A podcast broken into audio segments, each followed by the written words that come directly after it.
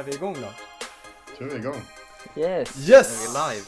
Hallå och välkomna till denna veckas podcast som en är specialare. specialare, precis. Vi har nämligen Hanna Victoria Mörk på tråden. Välkommen fram. Tackar, tackar. Kul att ni bjuder till. Kul att ni har startat den här podden. Det är ju spännande tycker jag. Mm, vad Ja. trevligt. Eh, Får jag börja fråga, är ditt tilltalsnamn Hanna eller Victoria? Ja, det är ju en bra fråga. Eh, alltså egentligen är det jag som, som tramsar mig. Jag, jag, mitt tilltalsnamn är Hanna, men jag eh, tänker det här är hela mitt namn, så jag gillar det i text och ja, ni ser, jag skriver det. Ja, Så säg Hanna, det blir jättebra. det, det ser ju mer akademiskt ut kan man säga. Ja. Jag tror att det hade blivit, alltså ni vet, jag är ju lite äldre än er eh, och när liksom internet kom, eh, då blev det ju så att man behövde hitta på användarnamn. Eh, och alldeles i början så delade jag och min syster, för då hade man liksom bara en familjedatorn. Så då kallade vi då hade vi liksom gemensamma kontot Morran. Eh, och sen när vi fick liksom hitta våra egna, då eh, blev det så att det var svårt ibland att hitta mörkt, ja ni fattar engelska och sådär, klurigt. Ja. Eh, så då blev det liksom Hanna Victoria istället. Så då blev jag ju Hanna Victoria på internet. Eh, och där någonstans spann det på. Nej, men jag tycker det är ett fint namn, Victoria. Lite kungligt nästan. Jag tänker på eh, liksom eh, Brit- Storbritanniens förra drottning, om man får säga så. Vi har ju en kronprinsessa också. Ja, det Ja också. just det, kronprinsessan Victoria. Ja men eh, det låter ju mycket akademiskt med dubbelnamn. Det blir ju det blir väldigt, eh, och vi bor ju i en akademisk stad också så det, det passar in kanske. Ja, jag har också en sambo som heter Klas Herman. Det kanske också bidrar. Det har vi faktiskt koll på. Vi har ju gjort lite, lite har gjort research lite research om det. Ja. Oj, oj, oj. Vad har ni då hittat? Nej men eh, det fanns, eh, det fanns lite sådär men eh, det var inte så mycket personligt. Det var, då fick man gå till Eniro eller något sånt där. Ja, Men, just det. Ja, men jag tänkte att du kan ju börja presentera dig lite och alla poster som du har och så Mm. lite enkelt. Och sen kommer det lite fler frågor som är mer eh, fördjupande i ja, din karriär. Ja, men precis. Jag får väl se vad ni tycker är intressant eller vad era lyssnare vill veta. Eh, poster. Ja, men jag, jag är ju från mars i år egentligen. Eller jag var föräldrar, när vårt ordinarie kommunalråd var föräldraledig så då var jag också vikarie eh, ett halvår innan. Men, så jag är kommunalråd just nu. Eh, men det har varit en lång, lång väg för att ni kanske har koll på politik eftersom ni heter som ni gör. Att, eh, eh, Det har inte varit ett helt enkelt eh, kommunalpolitiskt projekt att få ihop det här med styre och oppositioner som är åt alla höger och kanter. Eh, så sen i mars i alla fall så blev jag kommunalråd på halvtid. Eh, så så är det. Så Vänsterpartiet har ett och ett halvt kommunalråd eh, och de styrande har två och oppositionen har en var förutom Moderaterna som är ganska stora. Eh, kortfattat. Eh, Sverigedemokraterna och Fi har inget. Nej. Eh, så, så det är jag. Så jag sitter i kommunstyrelsen och det, det kan man ju göra eh, utan att vara varken det ena eller det andra. Men det, så det gjorde jag även innan. Liksom. Och eh, vad gör jag mer? Jo, sen sitter jag i utbildningsnämnden. Ja, okej. Eh, Mm. Och vad gör man där då i utbildningsnämnden? Är det... Alltså det är ju, jag styr ju över er höll jag på att säga, men... för ni, eller hur gick ni sista året på gymnasiet? Ah, nej, det, det går i tvåan faktiskt. Så. Ja, tvåan. Ja. Jag fick för att det var sista. Ja, men eh, man styr över skolan helt enkelt. Eh, men det är också både och, för rätt mycket styr staten över också direkt genom liksom läroplaner och man bestämmer en del vad som man får göra och inte göra.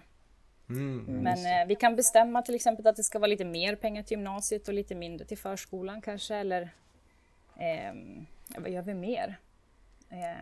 Ja, men det är ganska, ja det är mycket med pengar och så. Eller så finns det liksom olika förslag. Och just nu är det ganska mycket diskussion om Fyrisskolan med tanke på att det ska byggas det. bostäder där och sådär. Just det, och man vill locka fler eh, elever till Fyrisskolan också. För ja, jag har Ja. hört att den har fått lite dåligt rykte liksom. Eh, på senare, Ja men exakt. Eh, och det är väl inte meningen. Eh, utan det, är- det är ju en bra skola förstås. Men, eh, men alla har inte velat gått där och eh, det har blivit ett lågt söktryck och det är kanske inte så bra när det blir jag tänker det kanske ni är inne på också, det här med skolsegregation. Det blir en sån typ av liksom, vem hamnar där, vem hamnar här? Mm. Eh, Samtidigt så hör man de som har varit med ett tag som säger på min tid, det var ju det bästa tekniska gymnasiet. Ja, Ja. vi har ju vi har några kompisar från Fyris. Eh, och jag tror den generella liksom tankegången är att det kanske är lite ja, fattigt. Inte som katedral som har så här fina korridorer och lång, långt, högt i tak. Ehm, ja, men det är Ja, nog... men du tänker så att det spelar lite roll hur det ser ut liksom också. Ja, precis. Mm. För jag tänker båda skolorna är ändå eh, får ju pengar från kommunen så det lär inte, någon lär ju inte få mer än den andra, eller? Ja. Nu sätter du mig lite på plats, men jag kan tänka mig att det nog kanske skiljer lite utifrån att det kan vara olika lokalkostnader. Eh, Alltså att vi internt väljer att så, om en, en skola kostar mer så kanske vi inte tycker att det ska gå ut över undervisningen. Om ni hänger med så. Okej, ja. Eh, samtidigt så måste ju det bli någon sorts hyfsad jämvikt på det hela. Så eh, jag har inte ett superkoll på exakt vad det blir faktiskt. Men eh, för det där är ju ett helt... Liksom, eh, eh, ni känner till det här med skolpeng men också att man sätter olika nivåer på den och lite... Ja. Vi har ju också en eh, strukturersättning kallas det, så att det beror lite grann på vad ens föräldrar eh, är för några. Eh, Alltså om man har föräldrar som har utländsk bakgrund eller liksom har eh, inte så mycket utbildning så får man mer skolpeng. Så det blir liksom en, en ganska stor materia.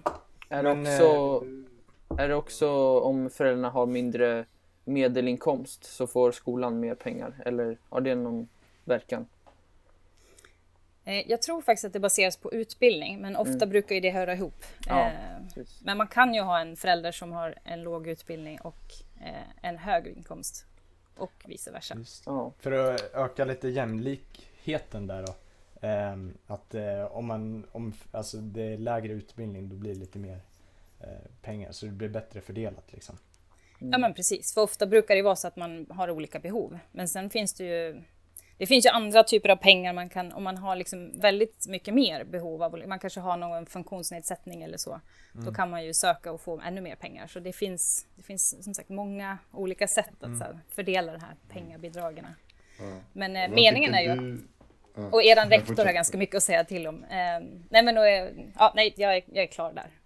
Ja, vad tycker du är det största problemet idag med gymnasieskolor? Vad är som behöver fixas enligt dig?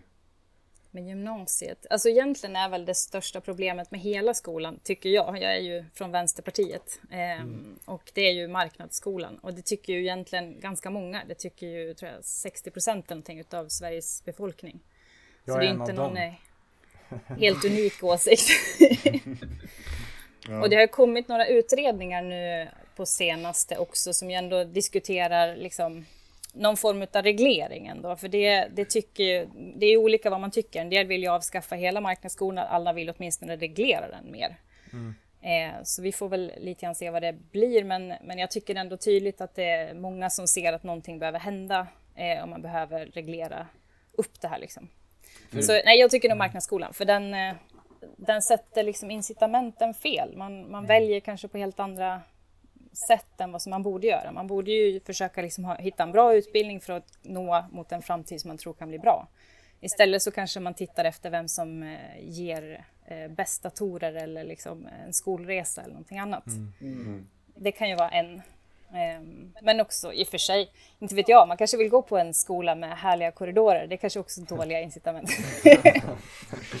Ja, men eh, jag tänker, eh, för Sverige har ju haft ett, eh, alltså ett ganska långt tag nu, ett rykte internationellt eh, om att vi är ett väldigt liksom jämlikt land och, och skolan och så. Men ändå så är det väl att vi, eh, skolan i Sverige, det är väl en av de mest, eh, eh, nu får du rätta mig här, men en av de mest eh, ojämlikaste mellan, alltså det är privatskolor och så är det kommunala. Det är väldigt eh, ojämlikt där va?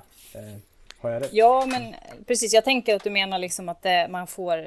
Vi har, det är ju ingen annan skola i världen som har att man liksom får skolpeng på det sättet som vi får och att man kan ha vinstdrivande skolor och då på det viset blir det väldigt ojämlikt. Och det där tycker ju inte friskolorna samma sak, men man kan följa många eh, duktiga människor som har räknat på det där och jag ser också det själv att man har ju höjt från början när man införde friskolesystemet så så fick de, jag tror det var 85 procent. Sen har man höjt så att de ska få 100 procent av hela liksom, eh, ersättningen. Eh, samtidigt som liksom, den vanliga kommunala skolan har ju ett huvudansvar kvar. Att eh, om, eh, om en friskola som man går på skulle gå i konkurs eller lägga ner eller på något vis så har liksom, kommunen ansvaret för att se till att det finns skolor från en dag till en annan.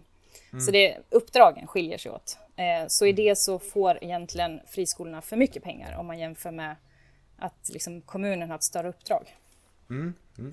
Du, jag läste faktiskt lite på din Facebook här, eller jag, läs, ja, jag läste eh, översta meningen kan man säga på ett inlägg och eh, där du var, det verkar som att du var emot mobilförbud. Fast jag hann bara läsa första meningen så det kanske att du är för.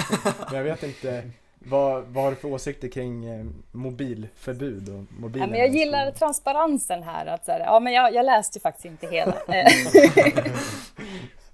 Ja, vi hade inte så mycket tid att kolla igenom.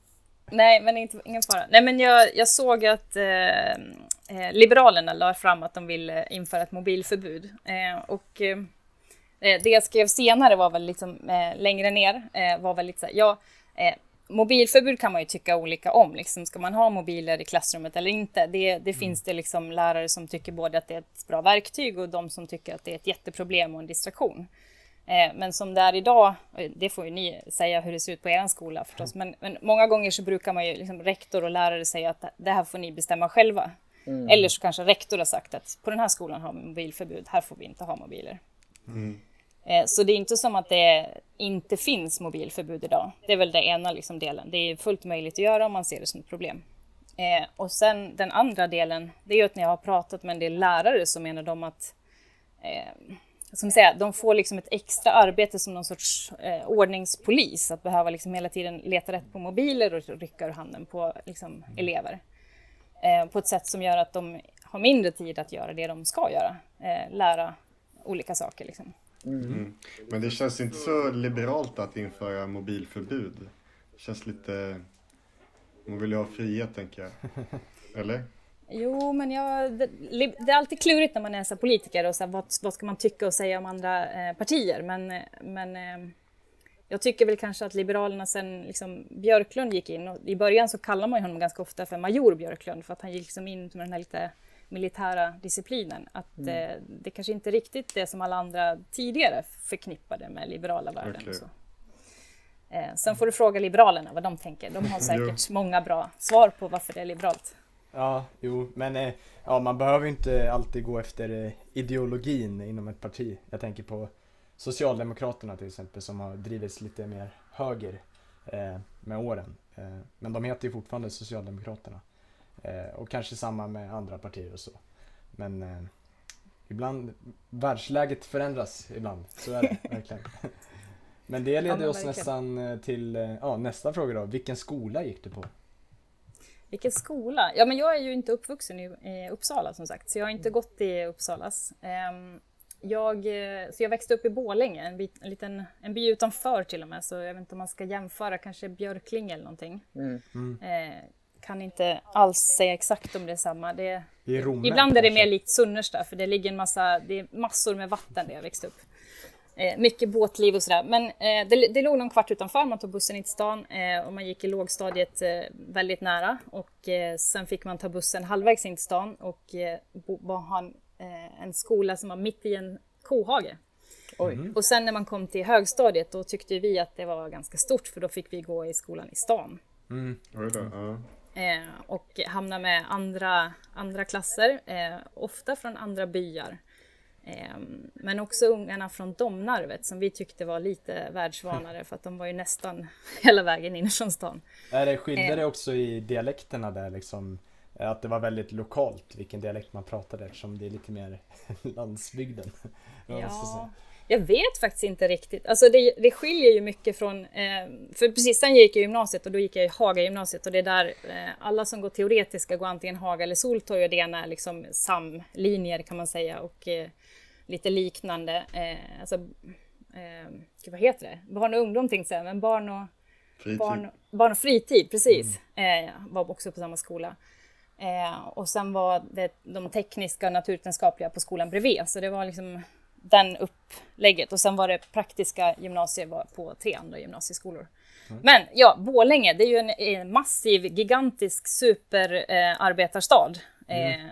det är ju, så det är liksom en det är lite av en dialekt skulle jag säga i Borlänge och sen är det ganska mycket andra dialekter i så kommunerna runt omkring. Just det. Så jag känner igen liksom min, min släkt och så som är mer från Gagnef som är mycket mera landsbygd. Där mm. är det mer landsbygds, eh, eh, lite mer gamla dialekter kan man säga. Visst säger man eh, Romme och inte Romme? Mycket rätt. Men, det, det, var, det tyckte vi alltid var roligt när folk kom och sa ska vi åka till Romme? Man bara, mm, de är inte härifrån. Ja, det var stockholmarna som, när de skulle hoppa in i skidbacken där. Precis. Eh, när man bor där är det kul. Eh, nu är jag kanske en sån själv, vad vet jag. Ja, men, eh, men gick du bara på kommunala skolor då? Alltså det fanns ju nästan bara kommunala skolor. Eh, man införde ju friskolan däromkring. Jag kommer faktiskt inte ihåg om det, om det var när jag gick på gymnasiet eller inte, men då hade man liksom inte kommit så långt. Mm. Eh, jag minns att min systers kompis gick på en friskola i Falun som hette Falu Fri. Och min syster är sex år yngre än mig, så jag, och den var ganska liksom ny då. Eh, nu börjar ni räkna ut när jag är född egentligen. 1980.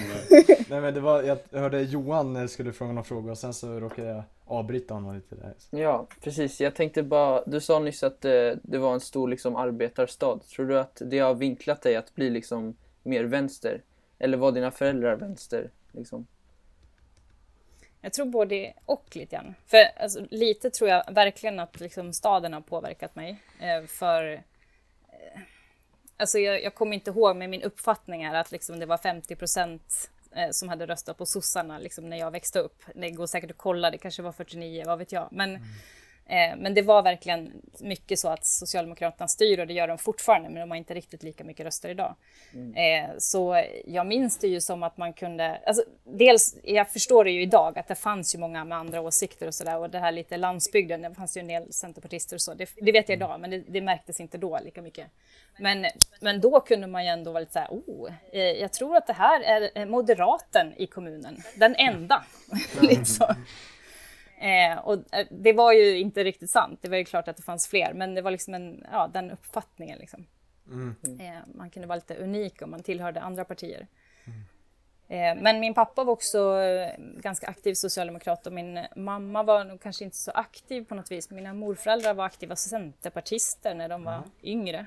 Men, mm. Eh, men hon var, både mina föräldrar var ganska aktiva och tyckte liksom miljöfrågor var viktigt. Så alltså, det finns väl lite arbetarrörelse och lite miljö där i bakgrunden. Vad fick dig att välja just äh, Vänsterpartiet då eftersom du verkar vara omringad av socialdemokrater? Ja, dels tror jag att tiden sprang iväg från Socialdemokraterna. Ni har ju sagt att det fanns en liten förflyttning. Sen tycker jag nog inte riktigt att det är samma sak heller i hela landet. Liksom. Eh, jag kan inte säga hur det är exakt i Borlänge idag. Jag är inte där jättemycket. Jag har sommarhus uppe i, i liksom Leksand med min mamma. Men, men eh, ja, så det kanske är annorlunda. Men jag, jag upplever det som att det är liksom olika frågor man pratar om. Det är lite olika liksom också eh, ideologi vad man lägger tyngden på kanske ideologierna eh, mm. på olika ställen. Jag tror i storstäder blir det andra frågor lite grann. Eh, och eh, Vänsterpartiet när jag växte upp var kanske inte så stora helt enkelt. Plus att mm. jag växte upp på landet så jag fattar ju ingenting av sånt där. Eh, vad då gå på politiskt möte? Det går ju inga bussar. ja, exakt. Men hur tog du dig in i politiken då? För jag tycker det känns som en ganska diffus liksom, eller jag vet inte vad man ska säga, yrkesinriktning men det känns som att det är lite svårt att veta exakt hur man tar sig in för att arbeta med politiken. Så hur tog du dig in eh, för att kunna arbeta som politiker nu? Alltså om man ska se på det hur det liksom gick till på riktigt så var det ju en god vän till mig som tyckte att jag ska inte, ska inte du ställa upp i kårvalet? Eh, och på den tiden fanns det en studentkår som hette Uppsala studentkår i princip och så farmaceuterna. Eh, och eh, jag tvekade lite grann först och sen funderade jag väl och så småningom så ställde jag upp och sen eh, blev jag aktiv och liksom jag var vice ordförande där och liksom, och då får man ju lära. Det är ju det är en bra skola. Det är en jättebra skola. Man lär sig en massa om hur man driver politik, hur det funkar, hur liksom saker går till. Eh, så det var liksom det praktiska, men samtidigt, jag har ju haft personer i min närhet som har pratat samhällsfrågor i hela mitt liv tror jag ändå. Så jag minns att mina vänner har tyckt att jag borde ha blivit politiker redan när jag var yngre, men då mm. tyckte jag att jag var liksom en, nej men inte kan väl jag, jag kan väl ingenting och herregud, tänk om man måste stå framför folk och prata, det verkar ju mm. Eh, ja, men eh, man lär sig med tiden och man vänjer sig och man blir modigare. Det, det märks ja, att... Ja. ja, jag håller med dig Axel. Det känns lite diffust. Man skulle kunna jämföra med att försöka bli influencer. Man måste ju fortfarande få följare för att eh, eh, tjäna pengar på en. Någon måste ju tro på en och man måste ju ha något att komma med. Så det känns som få satsar på politiken idag bland unga. Även fast många är inriktade så känns det inte som ett yrkesval. Nej, och jag tror alltså också det här med varför ska man vara med i ett parti? Alltså när jag mm. var lite yngre så, så förstod jag verkligen inte det.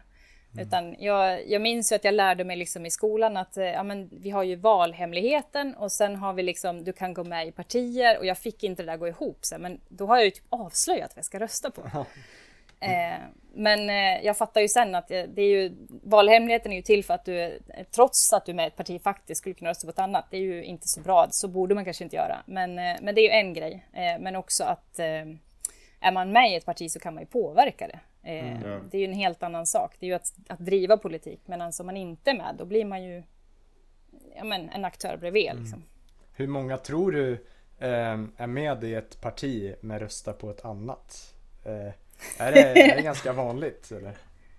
Jag tror inte att det är en generell vanlighet, men jag vet ju att i, i, liksom, i Sverige generellt så är vi duktiga på att välja olika. I liksom, kommunvalet har du valt ett parti och i regionen ett annat och i riksdagen ett tredje. Eh, det är liksom inte alls ovanligt, så det kan nog eh, vara sant. Om man sen då är med i ett parti, det kanske är lite ovanligare. Men däremot, eh, alla de som inte är med i partier, de, de, de, behöver nog inte vara helt tydliga, utan de tycker så här, men sjukvård, ja men då är ju faktiskt det här partiet bättre på det där. Och, mm. ja, kommunalen, eh, liksom det är så himla lokalt, då kan det ju vara liksom någon person som man tror extra mycket på, på ett annat sätt, som kan påverka. För det känns som att eh, man vill liksom inte eh, vad ska man säga, svika sin heder och eh, byta parti. Eh, utan man kanske fortfarande eh, håller, alltså är, är, inom det partiet man växte upp i, eller vad man ska säga. Eh, och sen så kanske man röstar på något annat. Eh, men det känns som att det skulle kunna, det är nog kanske ganska vanligt. jag tänker de som kanske dragits med i högerpopulismen eller någonting, som de kanske fortfarande är socialdemokrater eller någonting. Eh, men egentligen så röstar de på Sverigedemokraterna eller någonting sånt. Ja, det skulle nog kunna Eller att man väljer liksom i någon, någon del av de här olika valen. Liksom. Kanske man mm. gör så. Eller, eller tänker jag, det ska bli intressant hur det går för Liberalerna. Det kanske kan vara en eller annan som känner att de inte vill alltid rösta på det. Men eh, ja, det får vi väl se. Mm. Men det kan ju också vara så att man tycker så här, men våra lokala liberaler här, de är ju så himla bra, men vi tycker inte om riksdagsliberalerna. Det kan ju hända. Det kan ju vara mm. personligt också. Mm, verkligen. Och som du säger att det kan bli en väldigt moralisk fråga. Liksom, jag tror ju på det partiet, jag liksom ställer upp för det. Du, jag tänker lite på eh, Claes Herman. Eh, eh, om vi, bara en kort fråga här, vi ska inte gå in för. Men eh, hur, hur fungerar det? För han är ju socialdemokrat va? Ja, precis. Det är ju hur... hemskt, eller hur? Nej, men, eh, hur fungerar det liksom kring frukostbordet? Blir det mycket att ni, ni sitter och debatterar? Eller håller ni med om, om det mesta? Alltså lite är det väl, vissa saker är väl grundliknande, men jag skulle nog snarare säga att han jobbar ju med politik. Det gör ju för sig jag också nu, men jag har inte gjort det lika länge som honom. Han har jobbat ganska länge på utbildningsdepartementet för liksom vår hö högskole och forskningsminister. Mm. Eh, så han brukar komma hem ganska sent på kvällen och så säger jag Har du sett det här? Det är ju helt hemskt! Eh, och då säger han bara Jag orkar inte, jag orkar inte, jag orkar inte! ja. Träffar ni varandra genom politiken eller? Mm. Jag kanske aldrig slutförde men jag, jag kom ju in i studentkåren och lärde mig massa grejer och där någonstans träffade jag också honom när vi, vi försökte mm, som sagt, då var det lite annorlunda, men det var liksom lite dåliga relationer mellan eh, eh UTN och eh, Uppsala studentkår, alltså den teknisk-naturvetenskapliga kåren. Eh, och eh, då hade vi lite spelkvällar och så eh, skojade vi lite grann och eh, spelade bort kårhuset och då behövde vi ha fler spelkvällar och där någonstans så lärde vi väl känna varandra och så småningom, så småningom så eh, blev vi tillsammans. Mm. Men, eh, men sen, ja, i och med att jag var aktiv i, i liksom ett vänsterparti eh, i studentkåren så blev jag också tillfrågad att ställa upp för Vänsterpartiet i kommunen så småningom. Så jag, jag tror frågan, jag tror du var ute på det lite någon av er, mm. att det kan vara viktigt att bli frågad. Det var nog det som gjorde att jag också, det blev någonting mer. Mm. Ja just det, det blir som en, eh, en professionell, vad ska vi säga, fotbollsspelare, hockeyspelare. De, de kanske inte själva väljer eh, aktivt vilken klubb de vill gå till utan det är mer eh, bli tillfrågad och sen så bara hamnar de där de hamnar till slut. Det kanske är lite samma som politiska karriär. Ja, men lite kanske. Alltså, jag vet inte riktigt. Eh, jag tror ingen annan kanske hade tänkt på att fråga mig. Jag vet inte om jag hade, vad jag hade sagt om liksom, något annat parti hade frågat mig. Men eh, det är så svårt att säga. Liksom. Nu är det så länge sedan. Nu känner jag mig väldigt liksom, bekväm. Men jag... Eller jo, det vet jag ju. Jag tänkte ju faktiskt på det. Jag, jag funderade på liksom, att jag tycker att miljö och liksom, sociala frågor är viktiga. Eh, och liksom stod och hur får jag, liksom, vilket parti har båda delarna? Och just Eh, Socialdemokraterna nu kanske är lite bättre på miljöpolitik, men då var de ju liksom, det var ju bara betongsossar. Det var ju liksom, de var ju kända för att liksom, försöka kriga ner alla som vill ha miljö. Eh, så eh, då, det var liksom inte riktigt aktuellt. Eh, så Miljöpartiet skulle ju vara det andra som håller på med miljö, men då tyckte jag inte att de hade med de sociala bitarna lika mycket, att de liksom såg rättvisefrågan. Liksom. Eh, så då blev det Vänsterpartiet. Lite för eh, de är lite för enformiga i sin politik, Miljöpartiet kanske, alltså för dig? Jag tyckte det då i alla fall. Eh, mm. och eh, jag tycker väl kanske det nu med, att eh, de jag hör ju att Märta Stenevi tycker att de borde plocka upp liksom rättvisefrågan lite mer. Ja, och det är väl kanske bra för dem, kanske möjligen dåliga nyheter för oss, för då blir de mer lika oss. Men, men det är ändå... Det är väl bra om man försöker tänka på det, men jag tycker att vi är bättre på att tänka på liksom rättvise tanken också. Man kan liksom inte genomföra framförallt inte miljöreformer tror jag som kommer. Alla måste vara med på tåget annars kommer det inte fungera. Mm. Eh, då behöver du ha med alla. Om några protesterar eller inte känner att de är delaktiga i det hela, då blir mm. det problem. Ja. Nu börjar barnen bara skrika i bakgrunden. Ska jag säga till dem bara. Men du som vänsterpartist i, som håller på mycket med gymnasieskolor, vad tycker du om UF, Ung Företagande? Som, eh, de är ju ofta på våra skolor och föreläser och man kan ju gå som kurs hos dem. Ja, nej men jag har ju faktiskt jobbat på Drivhuset eh, och det är ju inte ung företagsamhet men det är ju lite närliggande liksom, i och med att det hjälper studenter att starta och driva företag. Ja. Eh, så jag tycker nog att det kan vara ganska bra. Det beror väl lite grann på vad... Jag har inte sett dem på ett tag så nära liksom. Men, eh, men jag tycker nog att det är bra. Eh, dels eh, det är bra att kunna liksom lära sig att ta eget ansvar och liksom driva sina idéer och göra så. Liksom. Och en del, jag vet ju också att i liksom både drivhus och ung företagsamhet så är det ju ibland just idéerna är den viktiga biten. Ibland är det inte, det affärsmässiga kommer sen. En del är mer affärsmässiga, en del är faktiskt mer ideella idéer. Liksom. Mm. Eh, men att lära sig att kunna driva det. Men er podd, jag vet inte hur mycket ni tjänar på den, men den är ju också kanske började med att ni ville göra den gissar jag. Mm. Det är en ideell idé. Eh, sen kanske ni får sponsorer och då blir det ju en kommersiell idé. Ja. Eh, så det tycker jag är, en, en det, det, är bra helt enkelt. Eh, men, eh, den här podden började faktiskt som en eh, samhällskunskapsuppgift. Mm. Så det första, liksom, första avsnittet är liksom till läraren egentligen. Men du pratar förresten med tre stycken ungföretagsammar, alltså ungföretagare. Bara så du vet.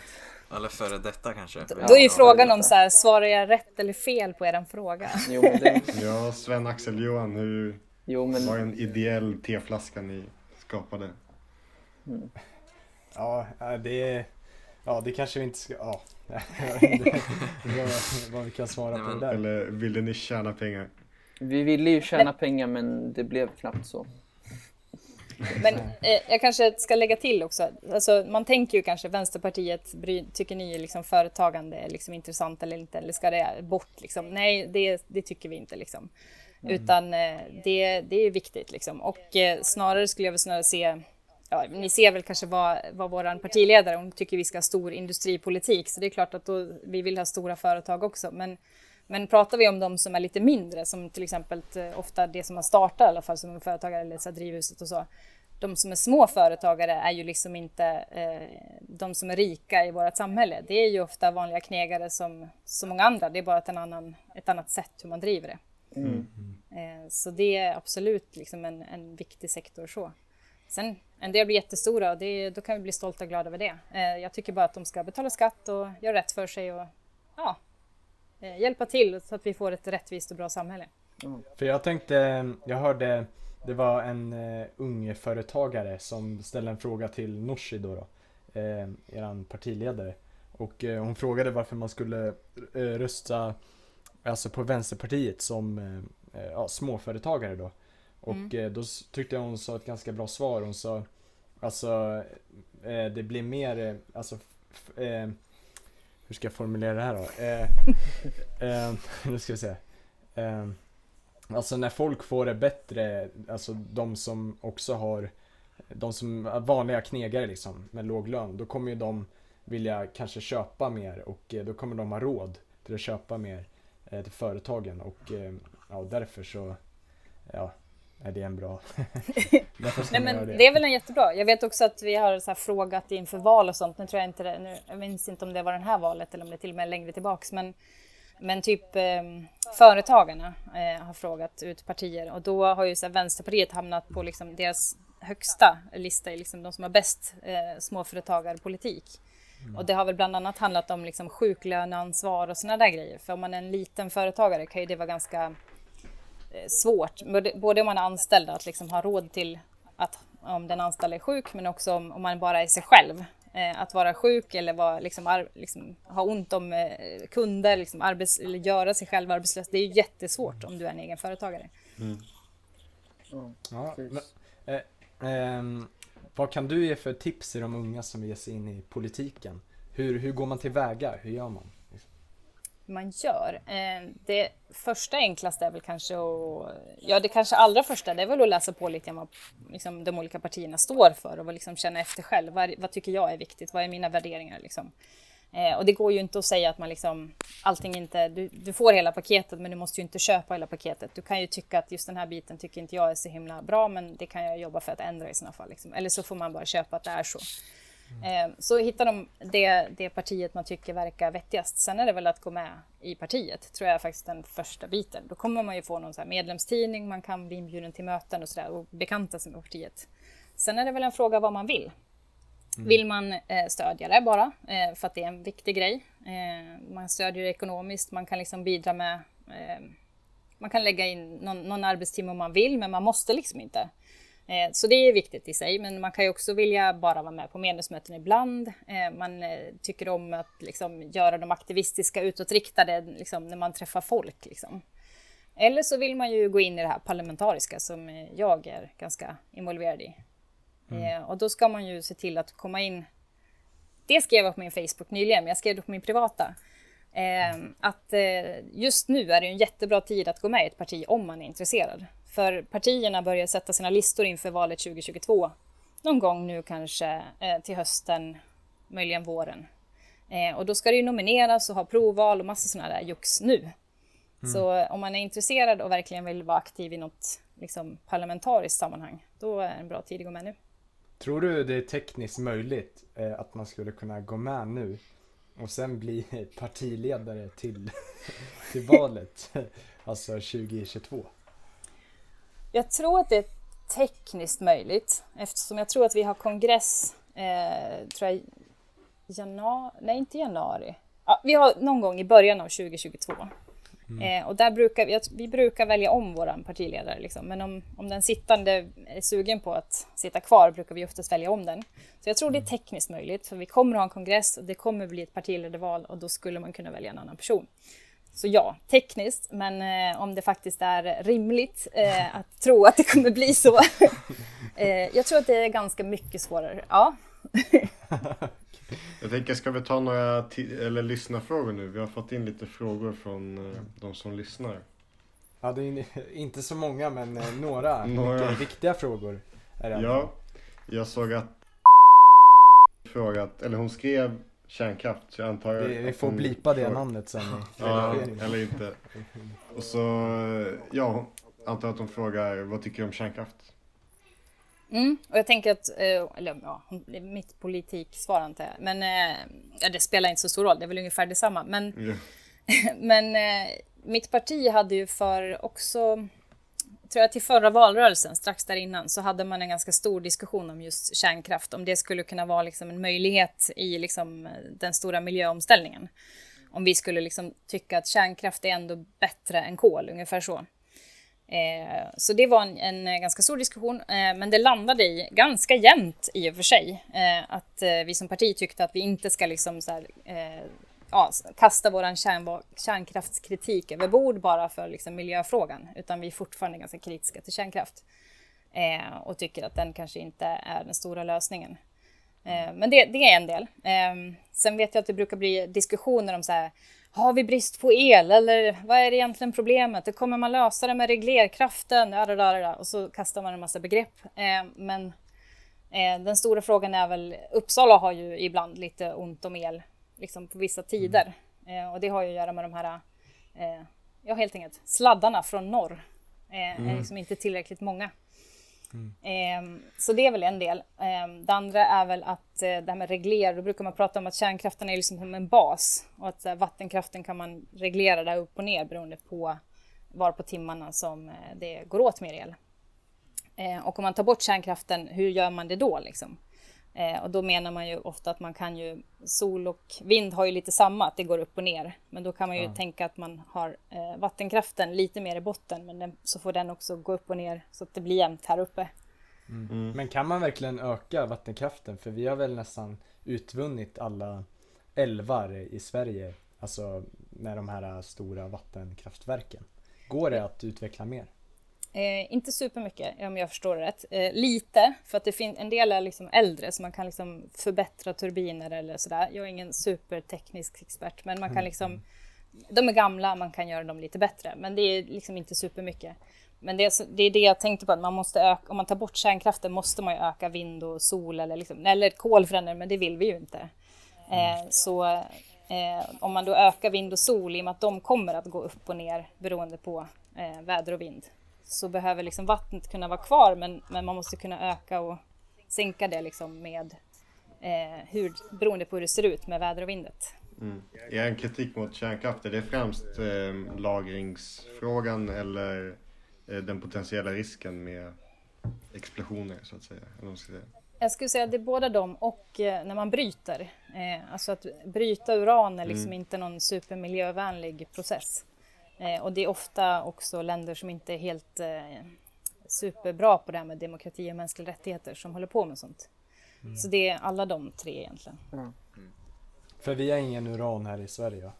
Jag tror vi har en hel del så här, i liksom naturligt i berget men jag vet inte riktigt hur lätt det är att utvinna det om den är eh, så pass eh, eh samlad. Men vissa kärnkraftverk behöver inte använda uran, de kan ju använda tritium och plutonium. Så det är en annan, jag vet inte hur den... Eh, Torium heter det va? Eller? Torium, ja. ja. Eh, hur, eh, hur vänlig den är mot miljön, men det är ett alternativ i alla fall. Mm. Ja, jag har inte heller superkoll. Jag vet ju också att det här um, avfallet, om man skulle utveckla fjärde generationens uh, kärnkraftverk så skulle man kunna använda en del av avfallet för att det går liksom att utvinna mer det är ju en variant. Samtidigt som jag förstår det rätt så är fjärde generation... Dels är det ju dyrt, jättedyrt att bygga kärnkraft. Mm. Eh, ja, det kanske är den fjärde orsaken till att vi är lite skeptiska. De, de står sig ju inte på marknaden för risken är så pass hög så att förut när vi hade eh, mycket kärnkraft så var det ju så att eh, staten stod som garant om det kommer bli, om det går åt helvete så tar staten kostnaden liksom. Mm. Mm. Eh, jag såg man... någonstans att man inte kunde försäkra kärnkraftverk fullt ut eftersom de potentiella kostnaderna skulle vara för höga för att betala tillbaka. Precis, och det var ju det som så här, höger, eh, när Alliansen styrde, när eh, miljö, eller vet du, Centerpartiet var ju emot det. Det var ju deras kompromiss, att de sa att nu kör vi det här på marknadsmässiga villkor och då blir det ju så att det inte blir marknadsmässigt att driva kärnkraftverk. Mm. Ja, det är en komplex eh, fråga. Mycket. Men eh, ja, nej men det... Ja, nej, den är svår. Mm. Uh, en annan fråga vi fick det var hur uh, Vänsterpartiet förhåller sig till liksom, brottslighet och bland unga främst, jag tror de främst syftar på gängkriminalitet och runt Gottsunda. Mm. Nej, som du misstänker så tycker vi inte att det är jättebra med brottslighet. Ja. Eh, nej, men det svåra är väl alltid så här, vad är det man ska göra? Ska man satsa mm. på kameror eller ska man ha liksom, fritidsgårdar? Det är väl den så klassiska, man ställer dem emot varandra. Men sanningen är väl att man måste väl ha lite både och. Eh, och det säger polisen har ju någonting, jag kommer inte ihåg vad det kallas, faser tror jag. Eh, att de menar att man behöver liksom jobba i olika faser. Att när det är liksom ett allvarligt problem så behöver man jobba på ett sätt och så jobbar man sig neråt. Eh, och eh, i början kanske det blir mer utav ordning och reda tänk, men att man behöver ha med de andra bitarna jämte. Liksom. Mm. Eh, så jag skulle nog säga att det, det är lite både och, medan vi som Vänsterparti lägger förstås mycket mer fokus på att vi tycker att det är viktigt att eh, alla får en bra start, vilket ju faktiskt börjar långt innan man kommer till gymnasiet, utan det är superviktigt att gå förskola ofta. Eh, man, det visar liksom att eh, barn klarar sig bättre ofta i skolan om man har gått i förskolan. Men sen finns det ju också, man pratar ju ofta om utanförskapsområden och en del som kanske är lite mer nya i Sverige eller har föräldrar som liksom inte pratar svenska. Då kan det ju vara superviktigt för att få med sig språket och gå i förskolan också. Mm. Så eh, förskolan, klara skolan, allt det där, superviktigt. Eh, Men eh, då kanske vi kommer till en, alltså en liten ledningsfråga här då. Eh, tycker du det är smart att alltså införa obligatorisk ja, att man ska gå i förskolan, att det ska vara obligatoriskt att gå i förskolan? eller? Jag har faktiskt inte superkollat vad mitt parti, om de har någon, nu kommer jag inte ihåg det på rak arm, om de har någon liksom tydlig. Jag vet att vi tycker förskolan är viktig. Eh, det har ju varit förslag, jag tror de har blåst upp lite i media, eh, mer än vad jag tycker är nödvändigt. De flesta partier har väl mer som att vi kanske ska försöka ha lite mer förskola, kanske sänka något år. Liksom så. Eh, och det finns ju ett förslag nu om att man ska göra om förskoleklassen, nollan, liksom, till ettan. Eh, mm. och då skulle man ju kunna tänka att man kanske borde börja förskolan eh, något år innan också.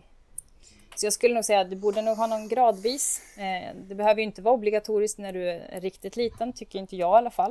Eh, men det är kanske ett större problem idag att vi har ju... Alltså om du, om du, har, om du är barn till en eh, förälder som är arbetslös eller föräldraledig så får du inte alltid gå på förskolan.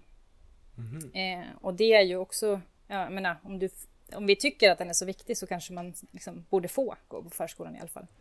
Mm. Men jag ja. tänker att eh, de som är arbetslösa, de har ju väl fullt upp med att försöka söka jobb och så. Eh, då är det, det är konstigt eh, att eh, då kanske alltså barnen till de arbetslösa inte får vara i förskolan då. Jag eh. kan hålla med om att logiken är lite konstig där. För mm. precis, Arbetsförmedlingen menar du ska söka jobb som om du vore anställd. Mm. Um, ja, Johan, du hade ju förberett en liten lek tror jag. Ja, nu har det redan gått 50 minuter så det kanske är dags att köra den. Ja.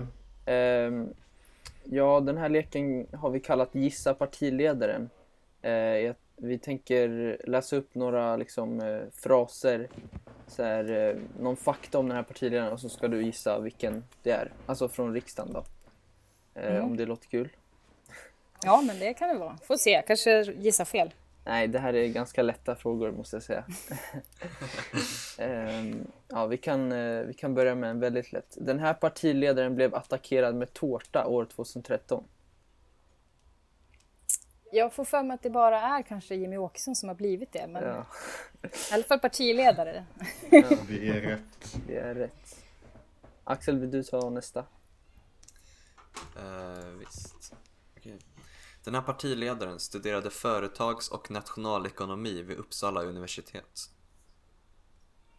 Hmm, partiledare. Företags och nationalekonomi.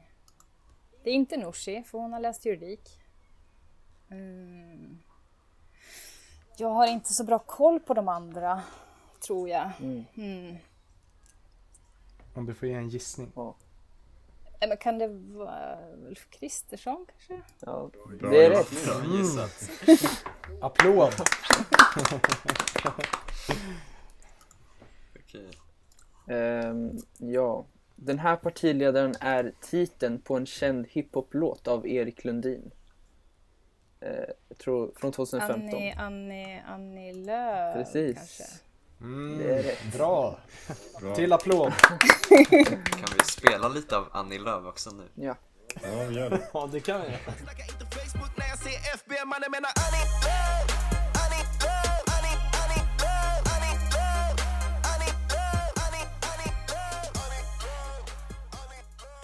ja, Sven, ska ta nästa? Ska jag ta nästa? Kör. Eh, Okej, okay. eh, den här kanske blir lätt. Den här partiledaren var ledamot i civilutskottet och bostadspolitisk talesperson för sitt parti. man får ju känslan att det skulle kunna vara Nooshi. Mm. Och du har rätt. Yeah. Nästa fråga här kommer en kulinariska frågan så att säga. Eh, Den här partiledaren beställer sina pizzor halvbakade. Ja, det är ju statsministern ja. Det är hans är trick. klart det är. Ja. Har För vi... alla som måste ta pizzan i bilen på vägen hem eller ska en bit Ja. iväg. Ja. Det är väldigt smart faktiskt. Mm. Eh, då har vi en sista, lite, jag vet inte, lite kontroversiell kanske. Men eh, så här lyder den. Den här partiledaren kom nyligen i blåsväder efter en bostadstvist. Ja, men det är ju eh, våran lokalpolitiker höll jag på att säga. Eh, Ebba Busch Thor. Ja, precis. Ja. Eller Ebba det var- Busch numera. Ja. Ja just det, nu har hon, ju, hon var ju tillsammans med den här gamla fotbollsspelaren Niklas eh, Thor heter han ju nu. Mm. Eh, och nu har de gjort slut så nu är det bara, men det är kanske inte många som vet det att hon, hon har eh, tagit bort Thor från sitt eh, efternamn. Det jag. känns konstigt att säga, säga utan. Ja. Ja. Ja, verkligen. Samtidigt så var hon ju kommunalråd här innan. Jag, jag kom in... li- eh, alltså hon, började, hon var på väg bort och bli partiledare när jag var mer aktiv. Så jag, jag har träffat henne flera gånger, men inte lika mycket. Om man säger. Vissa träffar man ju väldigt mycket. Liksom. Eh, men då...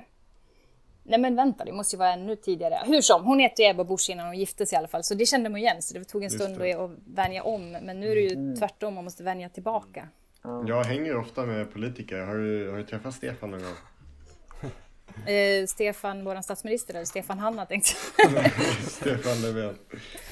Eh, nej, jag har nog faktiskt inte träffat Stefan Löfven. Jag har träffat Mona Sahlin någon gång i okej. Almedalen på den tiden när det, det var lätt att åka dit. Man kunde bo i någon gympasal och eh, hänga där. Var det innan kexchoklads, eh, ja när, när det blev känt, alltså med Mona Sahlin? Nej, det var efter. Det var när hon liksom ställde upp som partiledare. Eh, så det var efter Toblerone-frågan. Ja just det, Toblerone. Ja. Ja, och den kanske inte var så lysande. Men jag minns, jag var ju lite yngre då, men då vet jag att det var, jag tyckte medierapporteringen om den var väldigt sådär lite misogyn. Det kändes som att de liksom anklagade henne som kvinna lite mer. Men jag har ju förstått på senare att det kanske var lite mer än bara att köpa en, en chokladbit. Men om man läste media så fattar man inte riktigt. Man bara, men herregud, om man har köpt en chokladbit, vad är problemet liksom? kan de väl betala tillbaks. Men Eh. eh, ja, det var väl lite större problem. Men jag har träffat Annie Lööf också. Okej. Också i? Almedalen. Alltså hon är jättetrevlig och eh, det var jag och en annan tjej som var lite eh, lätt rödhåriga. Så vi eh, passade fram där och Annie, det första hon sa, ja jag fattar, det är rödhårigheten. Så tog vi en bild och blev jätteglada. Ja, okej. Eh, jag skulle vilja fråga om, du sa nyligen i eh, intervjun att eh, när, när du blev ställd en fråga sa du, jag undrar vad, min, vad mitt parti tycker om det här.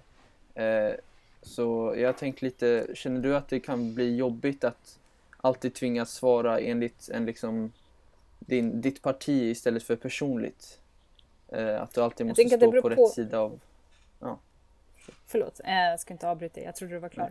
Eh, nej men jag, jag tänkte liksom att eh, det beror lite grann på vad, varför, liksom, i vilken roll. Jag tänker ni har inte hört av er till mig för att ni tycker att Hanna Victoria Mörk är så himla kul person som bor på Trädgårdsgatan. Eh, utan ni har, ni har ändå hört av er till mig för att jag är liksom kommunalråd och aktiv i kommunpolitiken och då borde jag svara lite grann utifrån det. Eh, och varför jag sa så, det är ju att liksom, det är ju riksdagen som bestämmer eh, hur liksom det här med obligatorisk förskola eller inte, det, det bestämmer inte vi här i, lokalt. Vi kan ju bestämma att vi ska liksom rikta informationsinsatser eller försöka liksom Eh, ja, men till, en ganska stor, jag var på en eh, konferens eh, i förmiddags eh, om just eh, öppna förskolan. Eh, Liksom, det är ju en annan del av förskolan, men öppna förskolan. Om hur de försöker liksom få med eh, människor med utländsk bakgrund som är nya i Sverige. Och det är ju en, en stor fråga, är ju, vad är förskolan? Eh, många andra länder har ju inte förförskola som vi har, utan de har ju liksom eh, dagis. De har liksom, här lämnar du barnen och så kan de eh, vara där. Eh, Medan förskolan är ju en skola också, man ska lära sig någonting. Även om det liksom är eh, på ett barns lekande nivå. Så det, det är många sådana grejer. Vad är förskolan? Eh, varför ska man gå där? Eh, och, såna, ja, och det kan vi bestämma. Vi kan ju säga att vi, ska, vi tycker det ska vara en informationsinsats eller man ska hjälpa till, eller man ska samverka med BVC eller någonting för att liksom få bra kontakt med personer som har barn som skulle kunna gå i förskolan. eller i öppna förskolan. Du, eh, jag tänkte, eh, för eh, du nämnde Stefan Hanna förut, eller Stefan Hanna. Hur, Mm. Är det Stefan? Stefan, Han, Stefan Hanna brukar jag säga i alla fall. Okej, Ja. Stefan Hanna. Eh, Och då har jag faktiskt skrivit ner här. Har du något skvaller om Stefan Hanna? Han har ju varit lite, ja, omtalad. Ja, nej jag vet inte om jag har så mycket sk- skvaller. Eh, jag tycker det är ganska roligt att Stefan Alltså vi, nu är han ju liksom för sitt eget parti och liksom företräder ingen just nu, eller man ska säga, även om han är kommunalråd. Men eh, när jag kom in i politiken så var det är inte så många andra som heter Hanna, men han heter ju också Hanna. Så vi hade någon fotbollsmatch. Eh, och det var på den tiden när Alliansen var ganska ny och de rödgröna försökte gå ihop som liksom också ett alternativ och ställa upp i val. Sen gjorde man inte det valet efter. Eh, och då eh, vet jag att jag inte visste så mycket vem Stefan Hanna var, men eh, det slutade med att liksom, det var vi som markerade varandra på den här fotbollsmatchen. Eh, och sen dess har liksom, jag känner att det har varit så här, det är vi som heter Hanna, för nu bor han ju också på min gata. Oj. Jaha. Oj. Eh, och det har jag gjort ett tag förstås, men det, det finns många som bara, vad är det för grej liksom? Hanna och Hanna. Nej, men eh, Stefan, nej, nej, jag har inte så mycket att säga kanske. Men Men, brukar det bli en del eh, kafferep eftersom ni bor på samma gata och ni båda är involverade i politiken? Ja men ibland har man ju träffats. Så det är ju annorlunda. Alltså, ni är väl också mycket hemma nu liksom, eh, när det är Ja. corona. Och det är ju vi också. Eh, så det här är ju mitt vardagsrum liksom. Eh, så då träffar man ju varandra jättelite. Men när det var så att vi var fysiskt på plats, kanske framförallt fullmäktige, för, eller ja, fullmäktige ännu mer. För då var ju det på UKK, han bor på den andra sidan Trädgårdsgatan och jag på den här sidan Trädgårdsgatan. Och då möts vi ju nästan där i korsningen och så går man liksom, racear till UKK för att hinna i tid. För sen måste man knappa in sig eh, liksom, så att man blir digitalt registrerad i tid, så annars, så, annars kan man bli liksom lite nerputtad. Och sen får man ju skämmas förstås. Ja. Men är det vanligt att eh, ni brukar umgås över eh, alltså partigränserna? Det känns som att det är ännu vanligare i alltså mindre, alltså kommunalråd och sånt där eh, än i kanske riksdagen. Eh, men är det vanligt att umgås över partigränserna? Det är svårt att svara för riksdagen, men jag tror även där att de kanske liksom är trevliga att umgås. Och- Jag vet ju att Annie Lööf och Jonas Sjöstedt hade en bra relation till exempel. Men, eh, men jag tänker att där kanske man också är många fler som man liksom ja, har som arbetskamrater lite mer hela tiden. Så det kanske blir så att man är mycket med varandra. Eh, Men om man ser till kommunen, ja, det, den stora skillnaden med kommuner och regioner är ju egentligen att vi inte har en regering som består av liksom ett parti eller några få partier. Vi har ju liksom en kommunstyrelse som består av ungefär alla partier. Eh, Så i det så träffas man ju ganska ofta eh, ja, men på möten. Liksom. Och innan corona så var det ju, då var det ju kanske en gång i månaden eller ja, två gånger om man är kommunalråd och med i så här förberedande mötet också. Eh, Men eh, nu när det har varit Ja, sen det här, ja, det har ingenting med corona att göra. Det har att göra sen det här valet. Styret är ju minoritet, så i och med att det är en vänsteropposition en högeropposition som eh, måste, ja, styret måste liksom samarbeta med det ena eller det andra och hela tiden liksom försöka hitta vad är en bra lösning här liksom. Så har de sådana här förberedande KSA-möten som det heter eh, eh, varje vecka istället. Så det är ju intensivare umgänge nu kan man säga. Så ja, man, man ses ju. Alltså det är formalia, men man lär ju känna varandra. Det blir ju ändå personer liksom. Och sen kan man ju liksom eh, säga, eh, man kan ju behöva debattera och liksom tycka olika, men man kan ju ändå ha respekt för varandra som, som, som individer, som människor. Ehm, inte för att byta ämne, men eh, jag undrade också bara eh, vad dina åsikter på gentrifiering är. Eh, eller Vänsterpartiets åsikt. Gentrifiering, ja, alltså med tanken liksom så att, eh, att man skapar trevliga områden som har låga hyror och kanske hade lite artistisk eh, inriktning innan och så blir det liksom, man, man piffar till dem och de blir dyra och alla de här måste flytta. Vi tycker ju förstås att vi ska kunna ha blandade områden liksom. Det tror jag i och för sig att många politiker tycker, eller säger i alla fall, att man liksom, vi tycker att ett nytt bostadsområde ska vara blandat, det ska finnas liksom folk av alla de slag där. Men när det kommer konkret så är det ju svårt att se att det blir så alla gånger. Eh. Dels att vi tycker att man måste då jobba mer med hyresrätter och den typen, för alla har inte råd med liksom, att köpa en bostad. Eh, men det andra är ju också ett nytt område. Alla, alla hyror är dyra i ett nytt område, så då måste du ju nästan klura ut hur du ska ha liksom, du borde ju nästan bygga nya områden ihop med gamla områden så att då kanske du får en bra Mm. blandning. För det är väl något som eh, Socialdemokraterna, de eh, har väl gjort det lite med Gottsunda, att eh, de skulle bygga nya bostäder eller vad det var. Och sen så, fast det skulle bara vara dy, nya dyra bostäder. Var det inte något sånt?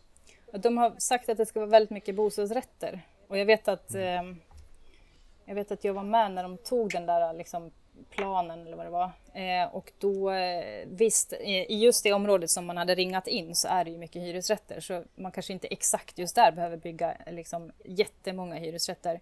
Men jag tycker ju fortfarande att man ska behålla balansen minst 50-50 och det vill de ju inte göra.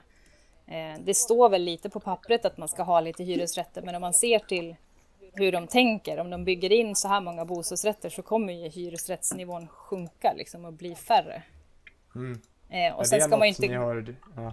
Ja, sen ska man inte glömma att här, om man ringar in ett område, det finns ju ganska mycket områden runt den här lilla enklaven av hyresrätter i eh, Gottsunda som har eh, helt andra, eh, både liksom, nivåer och vad det är för, det är mycket villor, det finns bostadsrätter, det finns ganska mycket annat som ligger enormt nära. Men är det ett eh, hett samtalsämne kring eh, frukosten alltså Claes Herman, han socialdemokraten är det mycket, snackar ni Eh. mycket om gentrifieringen? eh? Kanske egentligen mindre med min sambo, eh, men jag har ju liksom, jag känner ju många, han, han känner ju och jag känner, vi har liksom många gemensamma vänner och många av dem är socialdemokrater och några är eh, miljöpartister och några har ingen politisk tillhörighet alls förstås, liksom, men kan också tycka det är intressant att ställa frågor och tycker om olika saker. Så eh, i, med, våra vänner i stort kan jag tycka att då blir det ganska många heta debatter ibland. Eh, för då är vi, det är lite roligare med ett fräscht ansikte kanske. Vi ser ju varandra varje dag. Eh, nej, men, eh, nej men ja, nej men så vi diskuterar kanske inte så mycket och kanske är ganska eniga. Ja, Mm. Men det är ju bra att hålla det utanför liksom familjen, eller man ska säga. Ja, Ja. jag tycker också att det kan ju, alltså sådana diskussioner kan ju inte, det kan ju vara givande också, gynnande till liksom båda parter, parterna att eh, lära sig mer om ämnet. Det behöver inte vara Mm. liksom surt eller bittert. Nej men precis, då skulle vi inte kunna vara tillsammans. Herregud, man måste ju inse att man, man måste ju acceptera att vi är olika. Liksom. Eh, och det gäller ju många saker. Jag är ju mer bekymrad över liksom såna här...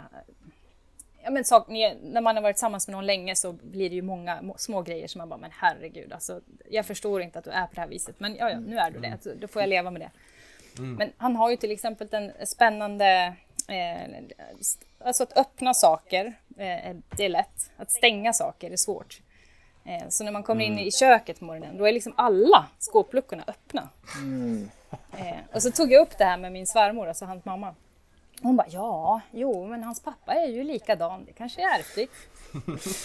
Hade du något att säga om hans frisyr? Jag såg här på bilder här att han hade väldigt Yohio-aktig frisyr förut. 2008 till exempel. Precis, när vi Hade du träffades. något att säga till dig? Nej, alltså det hängde ju lite grann ihop med det här. Ni vet, liksom UTN har ju sin, eh, sin välkomstvecka där de har de här personerna som har en massa olika utklädnader och sånt och mantlar och hela det. Och han var ju aktiv i det där och där någonstans tror jag det liksom frisyren satte sig kvar ett tag. Mm, okej. Men du sa också att du hade många vänner som tillhör olika partier. Är det lätt att ni börjar diskutera politik när ni sitter och tar en fika eller är det strikt? Eller brukar ni bara snacka vardagligt snack? Det kan nog vara lite olika. Eh, Jag vet att jag hade en het debatt om strandskyddet med en, en av mina socialdemokratiska vänner på, eh, ja men kanske för någon, något år sedan. En stor diskussion om det hela. Är det liksom, vad är problemet egentligen? Är det liksom Norrlands inland som inte kan bygga eller är det liksom Stockholm som, eh, som ju har byggt ganska mycket längs stränderna? Är det, det är väl kanske där man ska skydda stränderna? Medans, Ja, man tänker att det borde vara regionalt strandskydd. Ja, både lite så. Nu finns det en utredning och den vill plocka bort det från alla små vattendrag och sjöar. Då blir det ju, det är ganska många sådana som är små. Eh. Ska man, ja. Jag menar, jag har suttit i miljö och hälsoskyddsnämnden tidigare och då man medger ju ibland undantag och tycker så här, men ja, men här går det an liksom. Vi ser ju att eh, av olika skäl att det är rimligt att vi kan ta bort strandskyddet just här. Så det gör ju kommuner ganska ofta. Så jag vet inte riktigt om det är det som är problemet. Jag skulle Nej. snarare kanske säga att problemet är de här storstäderna och liksom där det är mycket tättbefolkat. Att man har svårt att liksom ja, ändå hävda kvar att vi kanske borde ha lite strandskydd här ändå. Ja, det är ju en väldigt bred lag för det är ju, naturen är ju olika i vårt långa land. Eh, och det kan ju vara ganska ologiskt att ha strandskydd på vissa ställen och väldigt logiskt på andra. Ja Det men verkligen. konstig mix. Och jag kanske inte har superkoll på liksom det, tror jag förut var 100 meter från vattnet och nu tror jag 300 meter. Det kan man säkert Mm. diskutera men jag blir också det här med klimatförändringar och att vattnet kan eh, höjas, öka tänkte jag, blir fel, eh, höjas. Eh, då, eh, då blir ju det en ganska, alltså jag, jag kan inte riktigt om det är 100 meter, om det är problematiskt, om du börjar liksom landa nära hus i sådana fall. Eh, Nej, vi i Sverige har ju faktiskt eh, landhöjning så jag tror inte vattennivån påverkar oss så mycket. I sådana fall försvinner vatten istället för att eh, komma till. Men är inte det att det går väl snabbare med havs, alltså att havsnivån höjs? Nej men Sverige har ju varit under is så de har ju tryckts ner men nu håller de på Jag tror det är både och. Jag tror Ja. söderut, där nere mot Vellinge, precis, söder, där, ja. där har de nog problem. Ja, men om man tänker mer norr då är det nog mer landhöjning. Och, så där försvinner nog mer vatten än vad det kommer till. Så det, ja men precis, det kan nog variera. Jag tror där havet är det nog mer allvarligt. Ja, Ehm, så jag tror man kan, eh, det vore bra om man tittar på det med lite mer vad ska man säga, vetenskapliga ögon och lite politik Verkligen. förstås, för det är ju en prioritering. Men eh, det blir väldigt ideologiskt på en gång. Du, eh, jag kom på en observation som jag har eh, fnissat lite åt ett, ett tag här. Eh, får, man gissa, får man gissa att eh, din, din sambos favoritartist är Yohio? Nej, det tror jag inte är så. Alltså Yohio kom ju långt efter att han hade den där frisyren. han kanske blev inspirerad av eh. Så nej, jag tror inte, jag tror inte att det var någon superfan faktiskt. Mm. Eh, jag vet faktiskt inte vad hans, hans... Han kan ju gilla liksom lite modern musik och liksom allt möjligt men... Ja, vad har han för musiksmak? Alltså ja, det är det jag inser klurigt. Han brukar gilla liksom att så här, spela bra musik som hans vänner gillar. Eh, men det är ju Aha, liksom en annan... Hänger du med? Han gör härliga musiklistor som, men eh, han kan ju lyssna på allt möjligt. Både så här, Johnny Cash och Lady Gaga. Det beror lite på vad det ska vara liksom. Ska vi dansa eller ska vi sitta runt en lägereld och mysa lite? Ja, men det är bra olika teman. Det, det måste vara roligt att vi kommer med så här roliga observationer som inte har alls med politik att göra. Och, men det är ändå bro- eh, proffsigt av dig att du liksom eh, svarar ganska normalt på det. Ja, jag tänkte vad skulle jag annars svara? Som bara, nej. Eller ja, man kan ju för sig svara så här, det är privat, det vill jag inte prata om. Ja. Men, Det, det ja. var det vi var lite rädda för innan. Eh, För vissa frågor vi skulle ställa så här. Eh, tänk om du är sån som eh, alltså, tycker att man ska... Ja, men du verkar ju väldigt öppen, så det är trevligt. ja, jag tror att jag, jag, det är väl möjligen så här min sambo som säger som bara, "Nej, det där behövde du inte säga.